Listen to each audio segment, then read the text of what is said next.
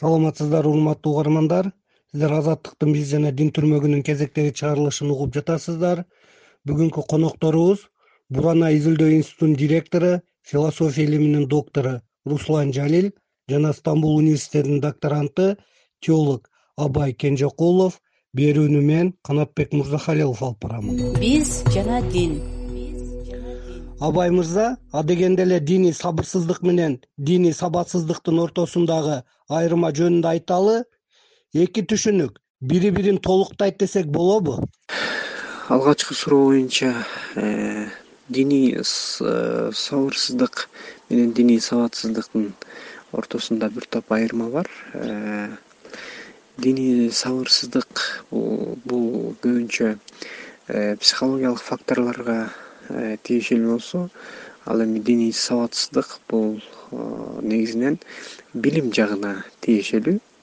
Билим менен түздөн түз катышы бар албетте канчалык диний э, сабатсыздыкты канчалык деңгээлде жое турган болсок ошончолук деңгээлде диний толеранттуулукка үйрөтөт деген жалпы бир бүтүм бар. Бирок бул жерде да айрым учурларда э, кээде айрым нюанстар болот. Мисалы диний жактан э, сабаттуу деп эсептелген э, айрым учурлар кездешет. Ошондой учурларда дагы диний сабырсыздыктын көрүлүп аткан учурлары болот.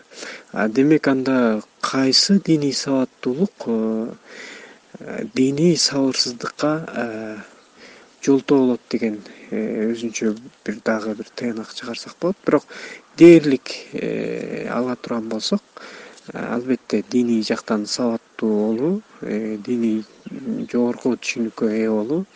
Албетте диний сабырдуулукка жогорку деңгээлде таасирин тийгизет деп айта алабыз. Азыр дүйнөдөгү мусулмандардын бир катмарында франция президенти иммануэль макронду жек көрүү сезими ойноп турат.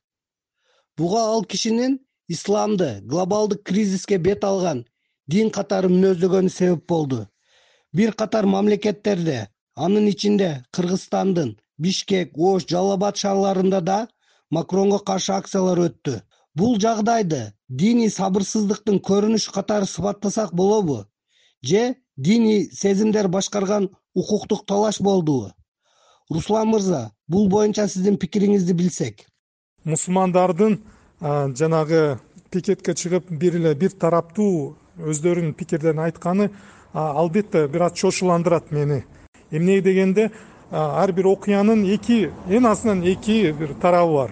Бир тарабына эле басым жасап туруп эле ошол пикирдерди алдыга чыгара берсек наркы экинчи пикир дагы ачыкка чыкпай калат түшүнүк түшүнүктүү болбой калат ситуация. Ошондуктан мына кыргызстандын мусулмандары деле бүт эле жалпы эле дүйнөдөгү пикетке чыгып аткан мусулмандар эки тарабын бир карап көрүш керек. Эмоцияга алдырбай карап көрүш керек эмне дегенде дин деген суроо маселе абдан эле мындай оңой мындай провокацияга алдырына турган нерсе болуп калды да. Пайгамбарыбызга болгон карикатуралар биринчи жолу чыкпай атат. Булар баштан эле жанагы данияда бир канча жыл мурун чыккан. Мындай окуялар болгон дүйнөдө ар кандай пикет демонстрациялар болгон анын ичинде адамдар да жабыр тарткан э, элчиликтер да жабыр тарткан. Биз жана дин. Франция менен кыргызстан стратегиялык өнөктөш мамлекеттер эмес. Эки өлкөнүн ортосундагы ири алака катыш тууралуу деле айта албайбыз бирок бишкек менен евро биримдиктин ортосунда бир катар келишимдер макулдашуулар бар эмеспи? Макронго каршы маанай франция башка евро биримдиктеги мамлекеттер менен саясий алака катышка кандай таасирин тийгизиши мүмкүн? Франциянын президенти ушунчалык мындай э, кандай айтайлы мындай резкий мындай түздөн түз бир э, сөз сүйлөгөн ошо исламда мен проблема көрүп турам ушу ислам цивилизациясынын өнүгүүсүндө бир проблема бар. Катары сөзүн айтканда бир аркасында себеп бар. Эмне дегенде баардыгыбыз билебиз э, муну окуянын алдындагы жанагы террористтик акттар бул дин атына болсун жөнөкөй болсун кандай учурда болбосун муну бул туура эмес. Мындай мыйзамга мыйзамга туура келбеген эч эч бир аракетти мусулман эмес эч ким колдобош керек муну. Бул бул абдан маанилүү да. Ушул ушуну мусулмандар эске алыш керек эле мусулмандар франция өкмөтүнө каршы эмес балким өздөрүнүн ошо арасында радикалдуу ой пикирдерди алып жүргөн өздөрүнүн жанагы диндаштарына реакциясын көрсөтүш керек эле. Изилдөөчүлөр бир илимпоздор изилдеш керек. Эмне үчүн мындай болуп атат? Эмне үчүн э, кандай? Балким макрондун айткан сөзүндө бир чындык бардыр. Э, бир кризистик кандай айтайлы мындай экзистенциялык бир кризистен өтүп аткандыр мусулман коому калкы.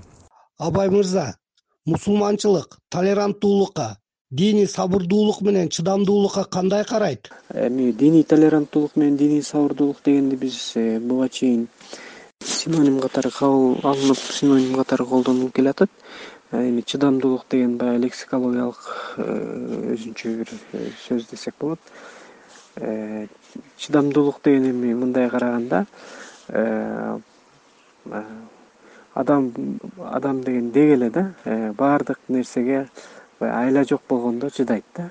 А сабыр кылуу деген бул деген адамдын өзүнүн эрки менен байланыштуу өзүңдүн эркиң түшүнүгүң э, ишеничиң менен ошого э, э, айрым нерселерге баягы күчүң жетип турган учурда дагы ошону сабырдуулук менен кароо деген деп айтсак болот да. Урматтуу угармандар сиздер азаттыктын биз жана дин түрмөгүн угуп жатасыздар. Биздин суроолорго изилдөөчү руслан жалил менен теолог абай кенжекулов жооп беришүүдө берүүнү мен канатбек мырзахалилов алып баруудамын. Руслан мырза айтсаңыз диний багыттагы агрессиялык мүнөздөгү окуялар башка диний ишенимдеги адамдарга жасалган тескери мамиле коомдогу толеранттуулук менен чыдамкайлыктын жетишсиздигин көрсөтөт. Кыргыз коому бир динде болууга умтулуп диндар жаштардын санынын өсүүсү медиаларда орун алган диний лидерлердин элге берген кеп кеңештери бир тараптуу болуп сабырсыздыкты күчөткөн жокпу? Мусулмандар э, реакция көрсөтө турган бир э, калк болуп калды. Э, бир проблема болот ага реакция көрсөтөт. Бир окуя болот ага реакция көрсөтөт реакция дагы көбүнчө мындай негативдүү түрдө болот. Мыйзам бузуу жолунда болот. Мисалы айтайлы өздөрүнүн жашоосуна бир көңүл буруп ошол ошол жерден бир э, ошону ошого реакция көрсөтүш керек. Мындай суроо коюш керек. Эмне үчүн бүт мусулман мамлекеттерде мындай өнүгүү экономикалык социалдык туруктук э, саясий өнүгүү э, саясий туруктук эмнеге жок? Эмнеге көп мамлекет мусулман мамлекеттерде мындай жаңжалдар бар конфликттер бар мындай согуштар болуп атат жакырчылык бар э, көптөгөн социалдык проблемалар бар. Ошого намыстаныш керек мусулмандар. Социалдык саясий көйгөйлөргө намыстанып ошондо көчөгө чыгыш керек. Мусулман дүйнөсүндө азыр өзгөчө орто азияда кыргызстанда мына пост советтик э, чөйрөдө интеллектуалдуу мусулмандар аз. Мындай буруп кете турган массаны мындай жашоо мусулмандык эмес мындай ойлонуу интеллектуалдык ой жүгүртүү мына проблемаларды кантип чечебиз? Мына коомдогу. Жакырчылыкты кантип жоебуз мына теңдүүлүктү кантип алып келебиз? Мындай адам укуктарын кантип э, неме гарантияга алабыз? Биздин жаш балдарыбызга кандай билим беребиз деңгээлде? Дүйнөдөгү эң алдыңкы университеттерди кантип курабыз? Ушундай саламаттык сактоо системасында мындай алдыда кантип болобуз? Биз вакциналарды кантип чыгарабыз деп ошондой ойлой турган ошону ой жүргүзө турган интеллектуалдык бир кыймыл мусулман кыймылы жок башка э, мындай дүйнөнү карай турган болсок мындай кыймылдар абдан аз мындай окумуштуулар да аз. Буларды мына масса укпайт массалык түрдө бизде азыр ислам мындай өнүгүү деңгээли жанагы күнүмдүк э, жашоодо калып калган. Биздин саятыбыз саясатыбыз дагы өзүбүз күнүмдүк. Э, мисалы бүгүн эмне кылабыз эртең эмне кылабыз эмес. Мындай стратегиялык ойлонуу жок. Биздин мусулмандардын арасында да стратегиялык ойлонуу жок болуп калды. Бул да жанагы интеллектуалдардын жок болушу. Качан гана интеллектуалдык мындай ой жүгүртүүлөр баштайт ошондо мындай менимче мына мусулмандар ойгонот ошондо мына көйгөйлүү суроолорго реакция көрсөтө баштайт. Биз жана дин. Түзүлүшү дүйнөбүй болуп саналган кыргызстанда мамлекет диндин таасиринен көз каранды эмес. Бирок өлкөдө диний сабырсыздыкка байланышкан чыр чатактар мезгил мезгили менен орун алып турат диний чыдамдуулук. Башка ишенимдеги адамдарга карата сабырдуулукту. Кыргыз коомуна кантип жайылтса болот? Абай мырза сиздин пикириңизди уксак. Диндин таасири э, ошол эле э, сээттик өлкөлөргө дагы таасири албетте болушу мүмкүн эми баягы диний сабырсыздыкка э, байланышкан чыр чатактар эми болуп болуп келатат. Бул кадыресе көрүнүш десек болот. Бул биздин эле өлкөдө эмес башка жерлерде дагы мындай келишпестиктер болуп келген болуп келатат. Мындай диний сабырдуулукту калыптай турган ошону калыптандыра турган диний сабаттуулук болууга тийиш. Диний сабырдуулукту мектеп жашынан баштап керек болсо андан дагы кичинекей жаштардан баштап ошондой мамлекеттин дагы таасири менен мамлекеттик түзүлүштөрдүн дагы жардамы менен ошол диний сабырдуулукту бир коомдо баары бирге жашай ала тургандай түшүнүктү калыптандырыш керек да. Мисалы биз кыргызстандыкпыз. Биз кандай түшүнүктүү болбойлу биз баарыбыз бир кыргызстандыкпыз. Биз бир өлкөнүн жарандарыбыз деген ушундай иденттүүлүктү чыңдоо менен бирге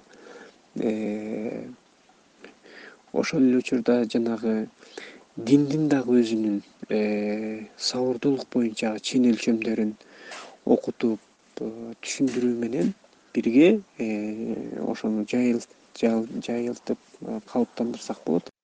Акыркы суроону руслан мырза сизге жолдогум келип турат. Макронго байланыштуу бул окуялар саясий лидерлер дин жөнүндө сүйлөгөндө жети өлчөп бир кесип ыкмасына аябай маани бериш керек экендигин көрсөттү окшойт. Сиздин оюңузча саясатчылар менен саясий лидерлердин дин темасындагы билдирүүлөрү кандай багытта болуш керек диний риторикадагы билдирүүлөрдү жасаганда дин менен мамлекеттин ортосундагы кылдан ичке тең салмактуулукту балансты кантип сактасак болот? Саясатчылар дин жөнүндө сүйлөп атканда светтикти мына секуляризмди унутпаш керек. Эмне дегенде эгер динге мындай аралаша турган же динди басмырлай турган же э, мындай динди мамлекетке аралаштыра турган сөздөрдү риторикаларды колдоно турган болсо анда э, конституциянын э, долбооруна конституциянын мыйзамдарына каршы келип аткан сөз айтып коюшу мүмкүн. Кыргызстанда дагы эгер биздин конституциянын нормаларын дайыма эске кармаш керек мындай баланс сактап туруш керек. Канчалык өзүн динди өзүнүн жашоосунда мындай жеке жашоосун саясатчылар жашашы мүмкүн. Намазын да окуйт орозосун да кармайт бирок коомго келгенде дин тарапты да жактоо эмес динди да басмырлоо эмес. Бир ортодо бир балансты сактап туруш керек. Ошондо бизде мындай конфликттер чыкпайт деп ойлойм. Дин жөн динге чакыруу э, динди үгүттөө бизде ошол э, мыйзамда деле бар мындай нерселерди мындай муфтият кыла алат. Ошо мындай нерселерди ошол мамлекетибиз тааныган бир диний органдар муну кылганга укуктуу жарандар да өздөрүнүн жашоосунда бул динди түркүн ар каалаган динде жашоого укуктуу бирок саясатчыларыбыз буга укуктуу эмес. Муну баш мыйзам бизге жооп бербейт. Биз жана дин. Урматтуу угармандар сиздер азаттыктын биз жана дин түрмөгүнүн кезектеги чыгарылышын уктуңуздар биздин суроолорго бурана изилдөө институтунун директору философия илиминин доктору руслан жалил жана стамбул университетинин докторанты теолог абай кенжекулов жооп беришти. Берүүнү мен канатбек мырзахалилов алып бардым. Саламатта калыңыздар